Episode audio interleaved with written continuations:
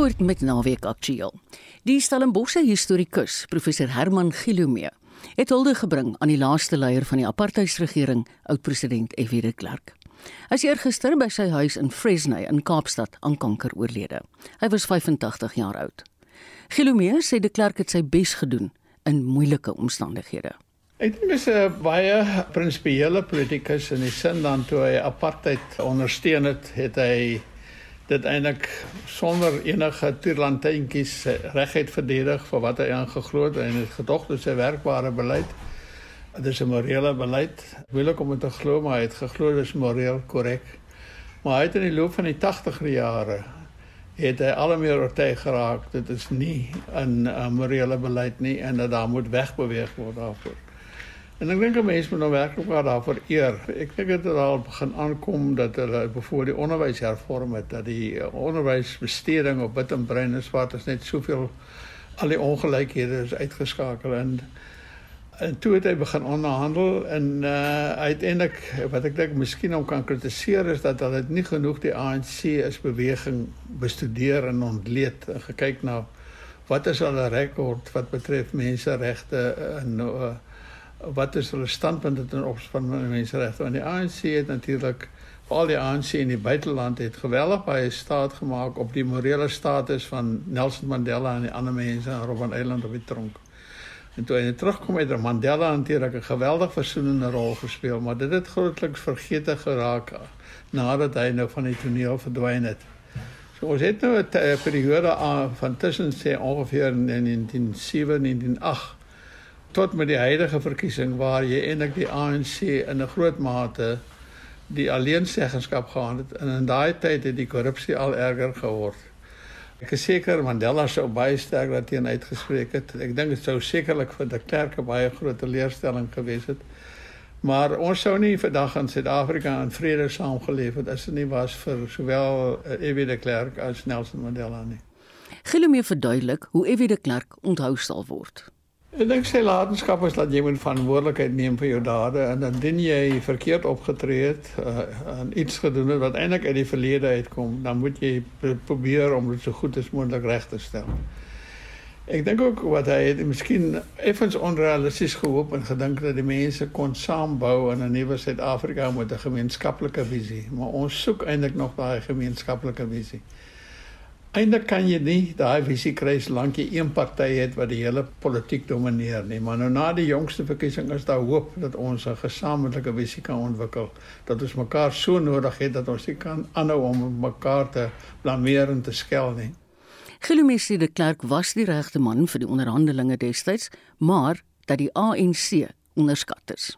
Hy was die enigste en eintlik was dit eintlik maar goed dat dit eintlik meer iemand was wat meer uit die meer konservatiewe kant van die nasionale party gekom het, jy weet. Uh, die mense sou het om aanvaar want hulle kon nie glo dat hy nou skielik 'n verdagte kommunis of liberalis geword het want hy het so 'n rekord gehad van standvastige konservatisme. So ek dink hy was die regte man, maar ek dink hulle het nie hy het nie rekening gehou dat Mandela eintlik 'n geweldige digte teenstander is nie en dat die ANC tipiese bevrydingsbeweging is wat eintlik maar baie vryhede neem met die waarheid en so aan, jy weet. So dit was eintlik 'n moeilike onderhandelinge. En ek dink ons het 'n redelike grondslag gehad onder uh, Mandela en Ramaphosa, aan Mandela en uh Mbeki. Maar ongelukkig dinge verskriklik verkeerd geloop onder onder Jacob Zuma. Die historikus professor Herman Gilomee.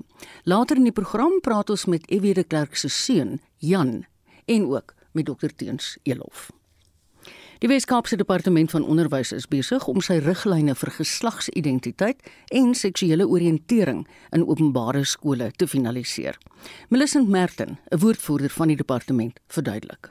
Ingevolge die grondwet van Suid-Afrika respekteer die WKOD die regte van almal, insluitend die van die LGBTQI+ gemeenskap, om skole te help om 'n meer inklusiewe omgewing vir alle leerders te skep, ongeag genderidentiteit, genderuitdrukking en seksuele oriëntasie. Is ons besig met 'n proses om riglyne te ontwikkel wat na verwagting teen die einde van die jaar vrygestel sal word. Daar is tans geen riglyne of beleid vir skole om te volg om transgender leerders te ondersteun in byvoorbeeld die Wes-Kaap of die res van die land nie.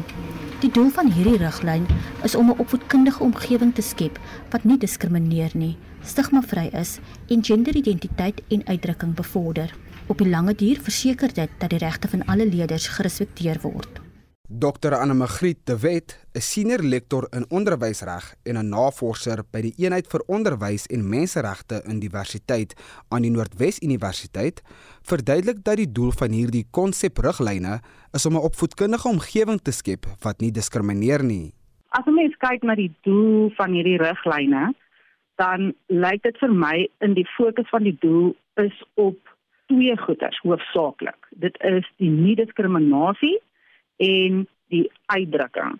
Dit sê spesifiek die doel van die riglyne is om 'n omgewing te skep waar daar nie direk of indirek teenoor enige iemand op een of meer gronde ingeslote gender of wat ons noem geslaglikheid, geslag, seksuele oriëntasie of ek noem dit seksualiteit, gewete, geloof, kultuur, geboorte ensovoorts gaan diskrimineer nie. En dan herhaal dit weer stigma en diskriminasie in die tweede stellingkie en in die derde stellingkie praat dit van genderidentiteit en uitdrukking van gender bevorder. So vir my lyk dit dat die doel is hoofsaaklik daarop om te keer dat diskriminasie nie plaasvind nie.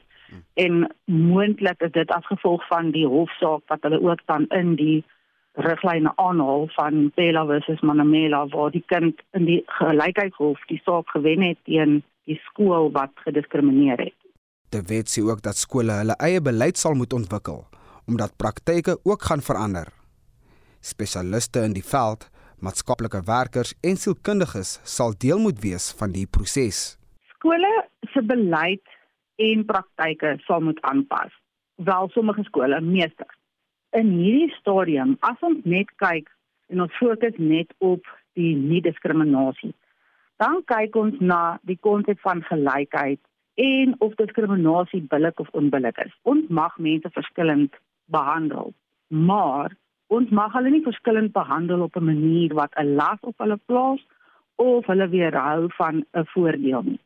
So skole sal baie mooi moet gaan kyk na al die verskillende beleide, die toelatingsbeleid, hulle gedragskode vir leerders ensovoorts en dan ook na hulle praktyke, daardie gewone goedjies wat ons as normaal aanvaar. Dogters en seuns staan in verskillende rye, loop verskillende tye, of word verskillend hanteer, is in verskillende groepies ingedeel vir sekere aktiwiteite wat nie noodwendig iets met geslaglikheid te doen het nie. Skole besef dat transgender leerders nie die nodige ondersteuning ontvang nie. Hoewel sommige skole reeds voorsiening hiervoor maak, sukkel ander om transgender kwessies te bestuur. Wat die wetgewing van jou verwag, is om jou optrede te verander en jou houding sodat jy nie diskriminerend sal optree teenoor leerders in jou klas wat dalk gay is of wat transgender is en jy is vanuit jou persoonlike oortuigings dalk nie gemaklik daarmee nie. En dan is daar die ander groep wat nie ongemak beleef nie. Maar dalk is ons in so 'n gewoonte van die maniertjies van doen, en seuns skei en aannames maak oor leerders. As ek sien jy het 'n pony start en 'n rok aan, dan neem ek aan dat jy 'n sekere genderidentiteit en 'n sekere seksuele oriëntering het, terwyl daardie goed nie aangeneem moet word nie. So daai is iets wat ons eerstens gaan moet verander in onsself. Daai aannames wat ons maak, daai veralgemenings. En ons gaan moet begin weier dink in terme van diversiteit en ons gaan vir onsself moet begin sê die kinders wat voor my in die klas sit, kom elkeen met hulle eie unieke identiteit van gender en van seksuele oriëntering en daardie identiteit van elke kind lê op 'n spektrum. En ek kan nie aanneem wie daardie kinders is nie tensy hulle dit vir my gesê het. Die wet is ook van mening dat die jeug van vandag meer uitgesproke is teenoor diskriminasie weens sosiale media en die diversiteit van ons samelewing. Ons kinders nou word groot in 'n samelewing wat baie baie sterk beïnvloed is deur die eerste, die tweede en die derde wave, moet ons dit in die literatuur van feminisme. En feminisme gaan nie net oor gender nie, dit gaan ook oor seksualiteit en oor ras en oor ander forme van diversiteit en verskille en gee baie aandag aan ongelykhede, sistemiese ongelykhede en social justice. So ons kinders word groot met dit en nou moet mense ook onthou ons kinders word groot met social media. So die goed wat gesê word bereik nou baie meer. So toe ek groot geword het, het ek nie van hierdie goed geweet nie, maar my kinders word groot daarmee. Dit is vir hulle algemeen. En dit het 'n invloed op hoe hulle dink en hoe hulle na dinge kyk en hulle is baie meer krities ten opsigte van wat hulle sou beskou as oudtyds of tradisioneel of konservatief. En veral wanneer hulle voel daar is enige vorm van injustice of diskriminasie aan die gang dan kan sommige kinders baie ontstel raak. Maar dan is daar nog weer ander kinders wie meer die stemme van hulle ouers aanneem en internaliseer wat dalk konservatief en dalk tot 'n mate seksisties is of heteronormatief is of homofobies is of anti-ander religieë en anti-ander rasse en anti-enige iets wat anders is as ek. Laastens sê die wet dat ons mekaar nie net moet verdra nie, maar ook die verskille en diversiteit as 'n goeie ding moet beskou. Wanneer ons werk met enige vorm van diversiteit en hierdie riglyne gaan nou spesifiek oor gender en seksuele oriëntering. Maar by enige vorm van diversiteit moet ons onthou dat in ons regstelsel in Suid-Afrika het elke persoon die reg om anders te wees. En soms beteken dit dan dat ons nie net mekaar moet verdra nie.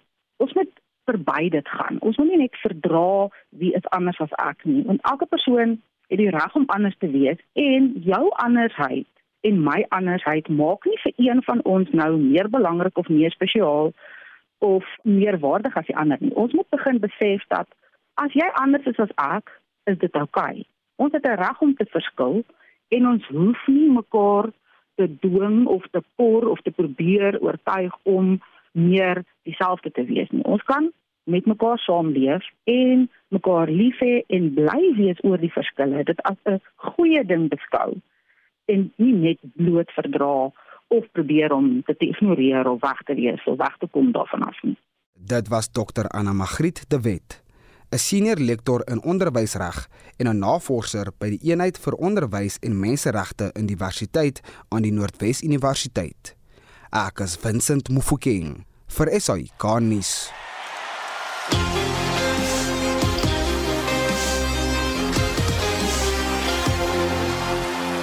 Dalk is jy op pad na middagete toe. Dit is 20 oor 12 en as jy een uur daar moet wees, sal jy moet spring. Daai kenwysie is ons sportkenwysie en op die lyn het ons klaar. Ons sportman Pieter van der Berg. Hallo Pieter.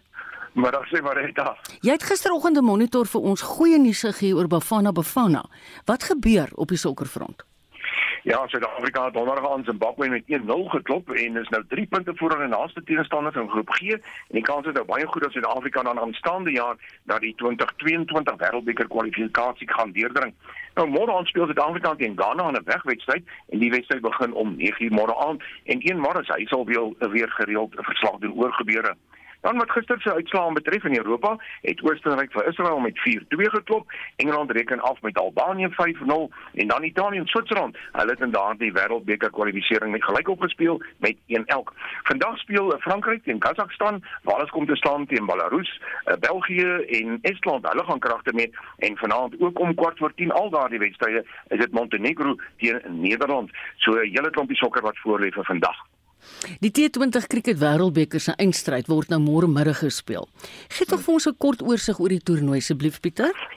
Ja, ek dink ons moet nou net vinnig gaan uh, terugdoen na daardie groepfase. Nou in groep 1 het Engeland, Australië en Suid-Afrika 4 van hulle 5 wedstryde gewen, al drie lande. So hulle is almal op 8 punte, maar as gevolg van die net loopie tempo het Engeland en Australië deurgegaan en in groep 2 uh, eh, is dit Pakistan en Nieu-Seeland wat dit deur is na die halfeind toe en dis natuurlik Pakistan wat al 5 van hulle wedstryde gewen het. So hulle is die groot gunstelinge gewees, maar in die halfeind, die eerste ene is dit Nieu-Seeland wat vir Engeland met 5 paaltjies getroof het en toe in die tweede ene het Australië hulle uit 'n diep gat uit gekolf en hulle die gunstelinge Pakistan ook met vyf paadjies geklop en uh, ek moet sê Matthew Wade hy daar drie sesse in daardie laaste mm. bilbeer tot die 19de gemoker mm. om aan die Aussiese oorwinning te besorg. Nou môre se eindstryd is dit dan Nieu-Seeland teen Australië. Dit begin om 4:00 Suid-Afrikaanse tyd. Er is gesal gereeld verslag te oor gebeure en dan ons moet net noem dat Nieu-Seeland hulle het 'n groot terugslag gehad. Hulle sal sonder die paadjie wagter en kolwer Devin Conway wat 46 aangeteken het mm. in die halfeind moet klaarkom toe hy uit was het hy sy hand in sy eie kolf vasgeslaan en sy hand toe nou gebreek, so hy sal nie môre in daardie eindstryd uh, in aksie wees nie. En dan ook baie interessant, nie een van die twee lande kon al in die verlede die T20 wêreldkroon ja. dra nie. So hy is die eerste een verbye van die spanne. Ek het Willem het gister gepraat. Nie een van ons het gedink dit gaan die kombinasie in die eindstryd wees nie. Nee, ek moet sê ek het ek het gedink Pakistan gaan ja. wees, maar dan ek het Nieu-Seeland. Ek hou van hulle cricket. Hulle is baie positief. Hulle bowlers doen uitstekende werk en die covers is nie bang om die lang, die lepel in te lê of die kom ons eerder die die wilger laat in te lê nie. So nee, ek ek moet vir jou sê, uh Pakistan is die groot verrassing ja, dat hulle nie daar is nie. Ek stem. Nou almal weet, almal weet die Springbok rugby span is vanmiddag op die veld. Dis na hulle oorwinning verlede week oor Wallis. Maar daar is ook ander internasionale wedstryde, né? Nee? Ja, maar het daar die 23-18 oorwinning verlede week en natuurlik beide uh, spanne het 6 strafdoele behaal, net 1-3 in die wedstryd. Malcolm Marx, hy gaan druk vir die Bokke. 23-18 wat Suid-Afrika aan 7-4. Nou vanmiddag is die wedstryd om 3 uur reeds en dis Suid-Afrika teen, teen Skotland op Murrayfield. Nou interessant die rekord vir Suid-Afrika. Ons het al 27 keer teen Skotland gespeel en ons was 22 keer aan die wenkant, so dit net 5 keer verloor. En dan die ander belangrike ding hier dink ek wat die Bokke 'n groot voorsprong gee, is die feit dat in die opdragspan span het ons 15 eh, spelers alreeds saam 669 wedstryde op die kerfstok. So Jee. baie baie ondervinding. Ja, en dan die skotte se 23 tal baie interessant. Ek dink ons gaan baie Afrikaans kan praat wanneer ons tekens gaan roep eh, tydens die wedstryd. Iemand Doan van der Merwe is op vleuel en daar's ook twee stutte, Piers Kuman en Ollie Kebbel ja, in die 23 ja. tal van uh, die skotte. So in Johan Normaal en hy sal ons luisteraar gereeld op hoogte hou van gebeure en natuurlik Marita Elton Jantjies, hy's vandag op losskakel en uh, hy's bietjie vroeër die week is hy gepols oor vandag se wedstryd. Kom ons luister wat het hy gesê. Goed, soos die Bokke hulself van dese week gereed gemaak het vir vanmiddag se wedstryd teen Skotland, is daar ook 3 Springbok spelers wat hul mylpaal van 50 toetse in die groen en goud verdien.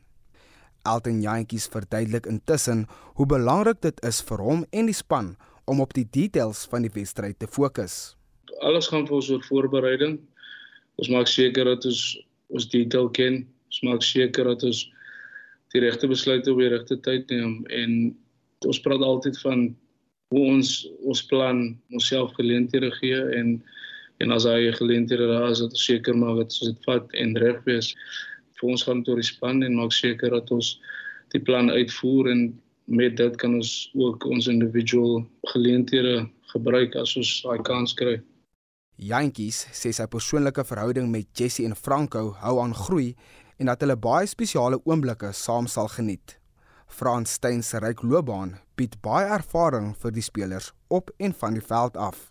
Ek gaan nie in detail gaan in terme van persoonlik oor almal nie, um, dan gaan ek nou emosioneel raak, maar is 'n groot mylpaal om om 50 toetse vir die Springbokke te speel is is drie briljante rugby spelers en elke ou het 'n verskillende pad gestap om hier uit te kom en om dit te bereik en vir my is baie spesiaal om ouers soos Frans net in die groep te hê en met al sy ervaring en die tipe mense wat hy is en hoe baie mense leer van Frans af in 'n sekere manier. Hy is altyd daar vir 'n gesprek en as jy hom vra vir 'n vir 'n idee of wat is sy opinie oor dit en hy is altyd bereid om ons te help. Glo baie van die spelers sal dit sê en Jessie weet ek en hy het 'n persoonlike verhouding met sy werksetiek en die manier van hoe hy dinge doen is baie professioneel en hy verdien dit regtig en dan ja Franco ek en hy ken ook mekaar persoonlik um, van die ou dae en um, vir my is dit net spesiaal om om te sien wat sous bereik en ja hopelik gaan ons uit en ons vier daai drie se mylpaale Jantjies het laas in 2018 teen Skotland gespeel en in vergelyking met vorige wedstryde gaan die Bokke die naweek 'n verskillende spel moet speel aangesien die Skotse 'n jong span vanmiddag op die veld het. Ons het gekyk na na ons verlede en ons gekyk oor laasweek se wedstryd ook en albei wedstryde tot en met nou is ons is 'n groep wat kyk oor julle manier van hoe ons dinge doen en die hele manier van hoe ons speel en die hele manier van hoe ons kan verbeter in sekere aspekte. Skotland het 'n paar nuwe gesigte ook met dat dit hulle ervaring ook so daai ervaring gaan hulle baie help en dan en die energie wat die nuwe spelers ook bring is 'n verander kan ek sê dis 'n ander challenge um, maar is ook 'n geleentheid vir vir hulle jonger spelers om teen wêreldbeker spelers te speel. Hulle gaan desperaat wees maar ek glo dat ons manne goed voorberei is vir Saterdag se wedstryd en ja, hopelik gaan die, die resultate na ons kant toe. Dit was die Springbok loskakel, Elton Jantjies, wat vanmiddag in die beginspan teen Skotland gaan uitdraf. Ek is Vincent Mufokeng vir SAI Garnis. Ja, maar dit kom ons loer ook na die ander internasionale wedstryde vandag. Italië speel om 3:00 teen Argentinië en dan Ierland teen Nieu-Seeland. Dit gaan 'n mooi wedstryd wees, kwart oor 5 vanmiddag. Dan Portugal teen Japan om 10:07 en vanaand 'n groot en nog Engeland half 8 teen Australië. So heel wat om na uit te sien en môre ook twee wedstryde, Frankryk teen Georgië en Wales kom te staan teen Fiji. En ons moet ook net noem van ons Suid-Afrikaanse vroue span, ons speel die naweek teen Wales. Daar's net een verandering gemaak aan die span wat verlede naweek teen Frankryk verloor het. Dis is Renée Jordan Marita. Sy sal die nommer 10 kry dra hmm. vandag vir die bokke. Goed. Ek het gisteroggend 'n monitor gehoor jy noem 'n paar Suid-Afrikaners se name toe jy oor golf gepraat het. Hoe staan sake nou na die tweede rondes? Ja, baie interessant is dat eh uh, die derde ronde is reeds aan die gang daar in Dubai, dis die Dubai Kampioenskap en ek moet sê dat 'n uh, paar van die manne is al hier by die uh, 8ste, 9de en, en selfs op rond of twee voltooi. Ek sien dat Joachim B Hansen en Francesco Laporta, hulle is die voorlopers op mm. 1700. Dis na 8 bytjies wat hulle voltooi het. Antonio Rosnier, hy is daar derde op 1600. Uh, Dien Burmester op 1200 na 10 bytjies so ja, hy's nog goed geplaas daar. Daniel van Tonner op 1100 en dan Zander Lombard, hy's op 1000 en Darren Figart op 900. Hy het reeds sy derde ronde daar voltooi. Dan beweeg ons na Amerika, dis die Amerikaanse toer, die Houston Open wat gespeel word. Nou die tweede ronde kon nog nie volledig voltooi word nie omdat 'n uh, spel op dag 1 deur reën ontwrig was en hulle poog nog natuurlik om verlore tyd op te maak, maar Martin Treiner, hy's die voorloper na daardie meeste spelers die tweede ronde voltooi het. Hy's op 1000 Kevin Twy op 900 en Jason Kokrak, hy's 800. Erik van Rooyen en Dylan Frontelli, hulle is uh, 9 hou agter die voorloper, hulle is beide op 100 syfer. Ek en Udo was verstom toe jy gisteroggend die stad gegee statistiek gegee het oor Valentino Rossi. Een ding ja. hy, la, hy jag môre sy laaste MotoGP. En jy het gesê sy loopbaan het oor 26 jaar gestryk. Ja, kan jy glo hy's nou 42 jaar oud, so hy het op 16 begin jag oh. en uh, ja, wel hy was net net jonger as ons uh, gewees maar het hom in elk geval in die in die tyd het hy 115 oorwinnings behaal in 431 Grand Prix. Nou ja, dit beteken dat hy meer as 1 uit elke 4 wedrenne waaraan hy deelgeneem het, het hy gewen. Ongelooflik. Ja. So hy was 9 keer wêreldkampioen op motorfietsse gewees. Die seisoen, soos ons sê, eindig dan vir die motorfietsse vandag. Dis die Valencia Grand Prix in Spanje. Die hoofren nie vandag nie, verskoning môre, is môre om 3 uur dan en die titel is natuurlik reeds gewen deur Fabio Quartararo op sy Yamaha. Suid-Afrikaanse Brad Binder en Marc Marquez. Hulle het 6de en 7de op die punte leer, beide het 142 punte en kom ons nou dat Brad in die 6de plek kan inskuif en uh, vir Marc Marquez daar kan klop op die punte leer. Mm. Nou uh, dan die Formule 1 renspan is natuurlik in Brasilië. Dis vir die Brasiliaanse Grand Prix in São Paulo. Die wegspring is môre om 7 uh, 7 môre aand Suid-Afrikaanse tyd. Mm. Nou baie interessant Max Verstappen, hy is net 19 punte voor Lewis Hamilton. Nou gister gister in die oefensessies is daar die groot nuus wat gebreek het Lewis Hamilton sal met 5 plekke op die Wesspringrooster gestraf word. Dis uh, weens die omreiling van sy motor se enjin nou uh, hy het in elk geval dis nou Hamilton die vinnigste tyd daar gestel gister en uh, vir vandag se naalren. So hy sal vandag eerste wees op daardie Wesspringrooster maar indien hy nou daardie naalren wen mm. sal hy môre die beste posisie wat hy kan hê vir die Wesspring die hoofren sal dan die 6de plek wees. Ek sien ek sien.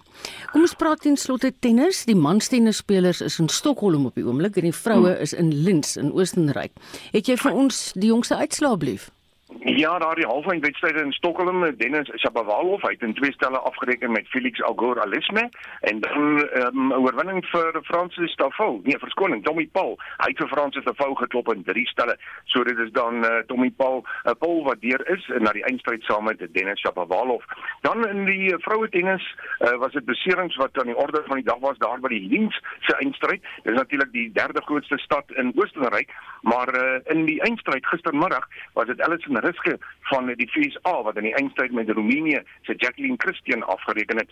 En dan moet ons ook net verwys na die WTA finale wat gespeel word op die oomblik. Daar het Anet Kontaveit het sy die halfeind gehaal nadat sy vir Karolina Pliskova in skoonstelle met 6-4 en 6 stroop afgestof het so sy weer na die halfeind daar. En dan dan ten slotte so 'n bietjie maraton nuus. Ek sien dat die voortrekker monument halfmaraton word op Saterdag 27 November in Pretoria gehardloop. Dit is die derde keer wat die wedloop gehardloop sal word, maar dit is die eerste keer sedert Covid dat daar nou weer so groot mm. wedren in Pretoria sal plaasvind. En jou tekkie staan natuurlik reg. Dis almal. Pieter baie dankie. Dit was Pieter van der Berg van RSG Sport. Jy's ingeskakel op RSG en jy luister na die program Naweek Aktueel. Dit is nou 26 minute voor 1. In ons weeklikse motorrubriek bespreek Wessel Pretoria se briewe van luisteraars.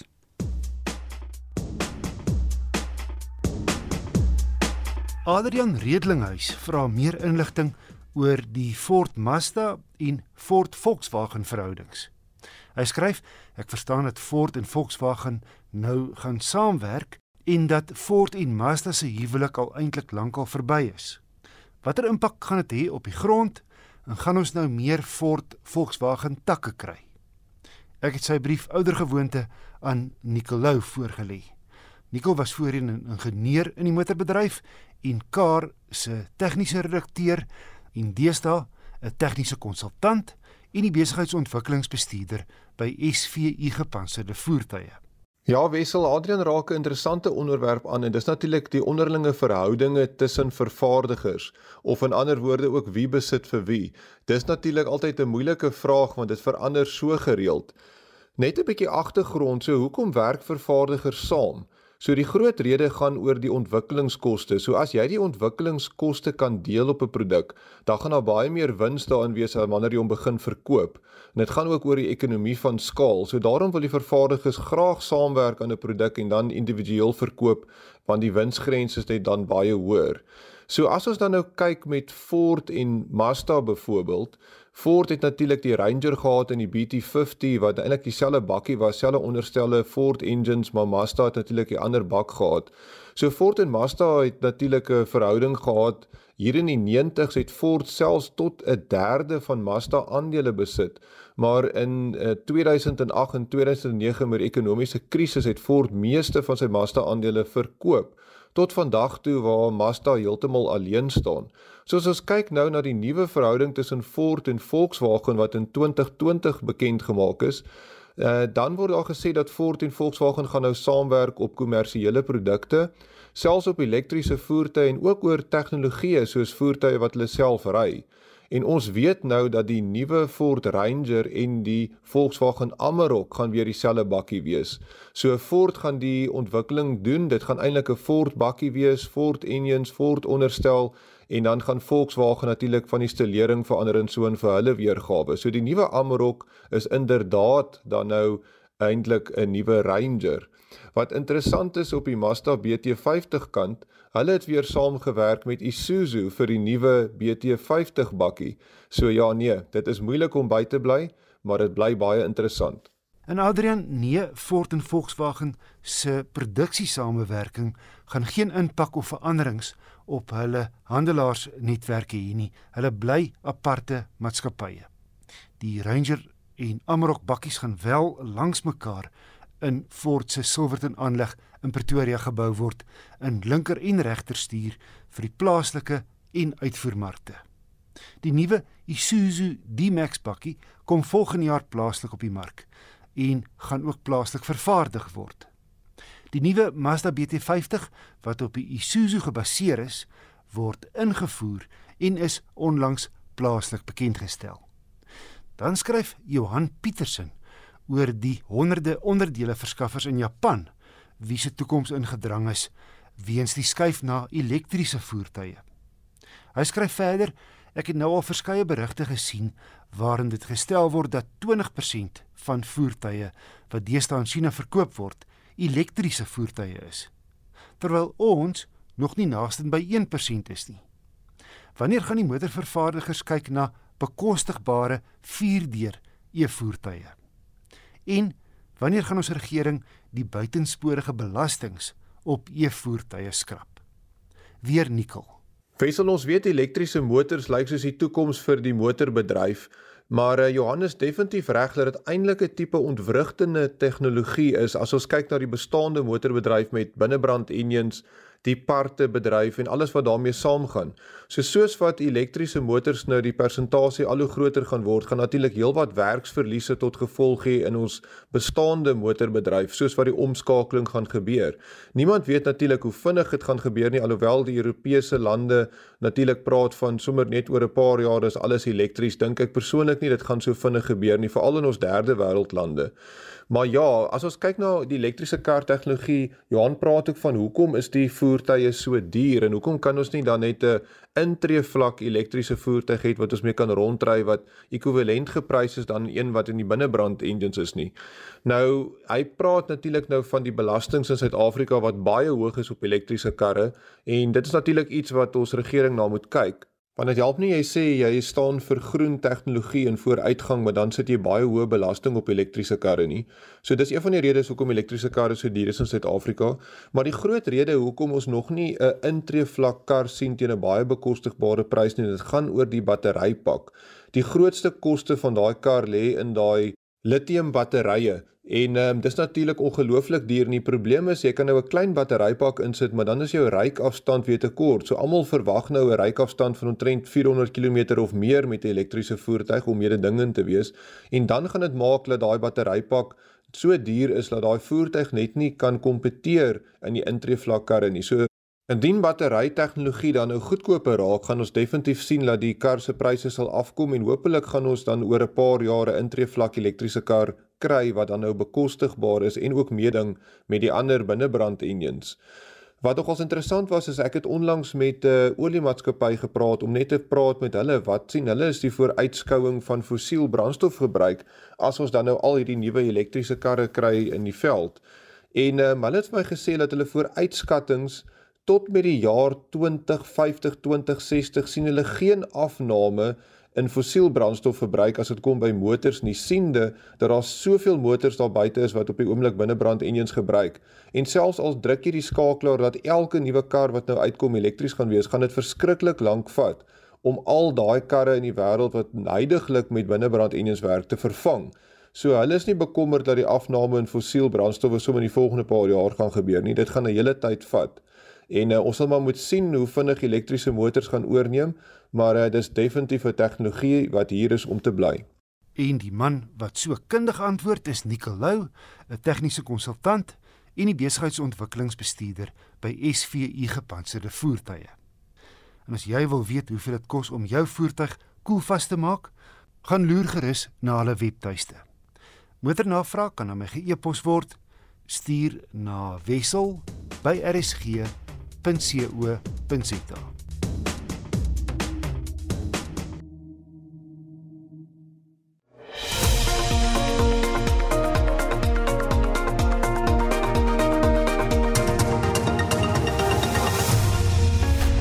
En nou weer terug na een van ons hoofstories van die dag. Oud-president F.W. de Klerk se afsterwe eergister. Die groot waarde van de Klerk as mens was opgesluit in die waardes wat hy uitgeleef het. So sê sy seun Jan de Klerk in 'n eksklusiewe gesprek met Heinrich Weingart.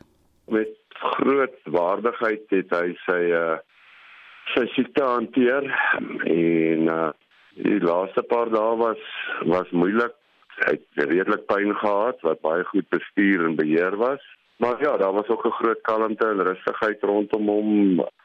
Hy het werklik dink ek vrede gemaak met sy lot en Ja, ek wil amper sê nooit sy sin vir humor verloor nie en nogal genoem dat hy dat hy gereed is om te gaan uitvind wat aan die ander kant lê.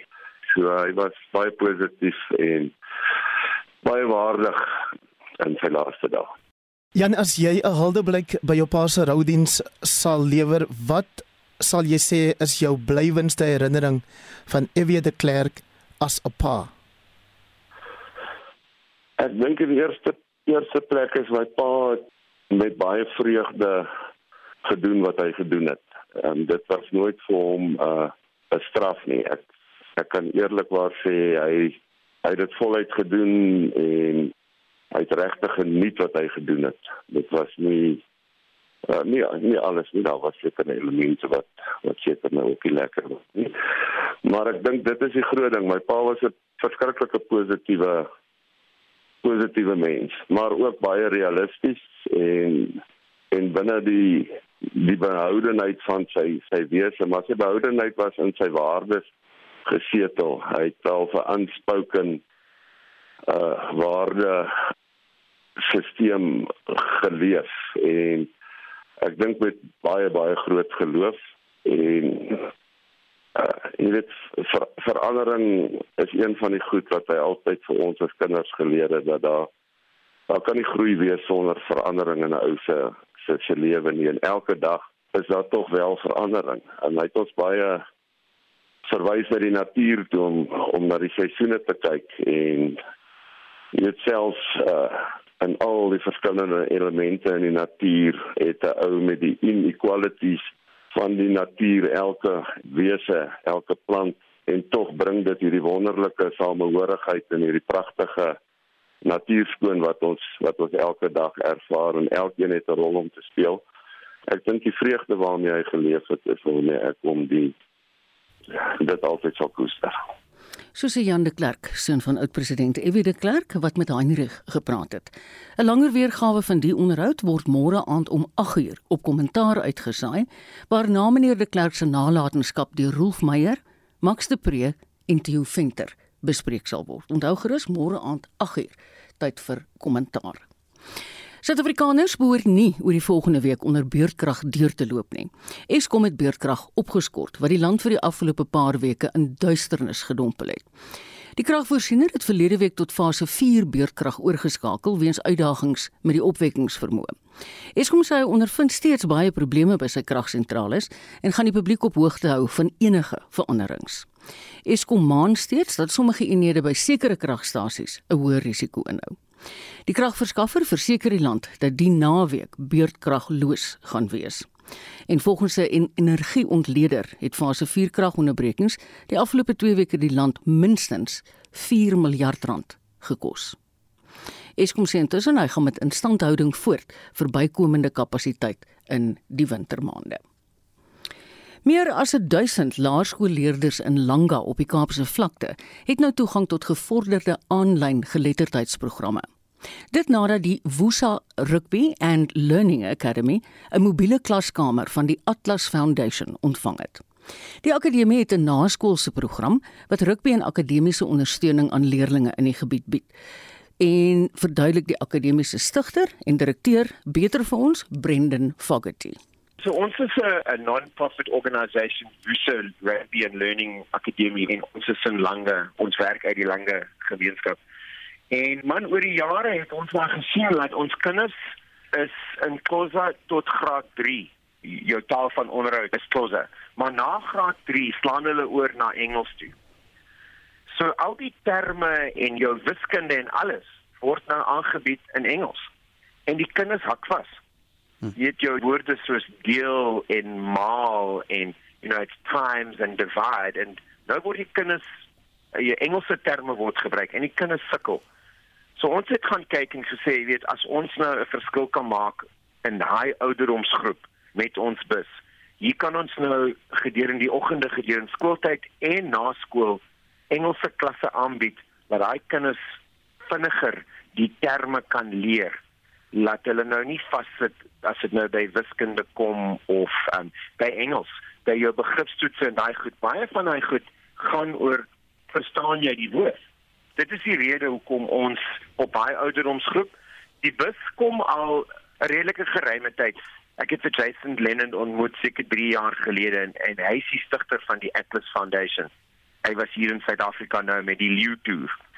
En so die Atlas Digibus is deur hulle geskenk vir ons.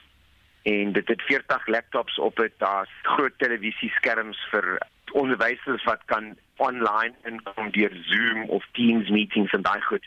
En ja, ons is baie gelukkig met hierdie geskenk, kom ons noem dit maar so. Dit kom al 'n geruime tyd van e-mails en geselskap en sulke goed. Hoeveel skole is tans nou betrokke en hoe gaan julle die projek dan verder vat? So ons het vyf laerskole waarmee ons betrokke is. Ons is ons is al 'n lang tyd met hulle betrokke in ons naskool Woese akademiese program. So ons gaan nou in die oggende by die skole gebeur. So byvoorbeeld op 'n maandag gaan die bus by Mokona Primary 8uur aanmeld en hy bus gaan bly tot 2uur toe. En in daai tyd wil ons al die graad 4 kinders deur die bus laat gaan om hulle Engels te ontwikkel en dan na 2uur skuif die bus na ons rugbyveld toe in Lange waar ons al 'n lang tyd Engelse en wiskunde klasse aanbied. Maar dit is vir ouer kinders. Ons ons begin dan graad 4, 5, 6 en 7. So ons kinders werk dan deur die bus. So daai bus is van 8:00 tot 5:00 elke dag in die gemeenskap en dan op 'n Dinsdag skuif dit na 'n ander skool toe. Ons bied 8:00 tot 2:00 aan. Na 2:00 kom die bus weer terug na die sportvelde toe. Dit dan ook 'n uh, rugby akademie? Ja, ek meen ons poog om ons kinders geleenthede te gee. So byvoorbeeld ons sport is rugby.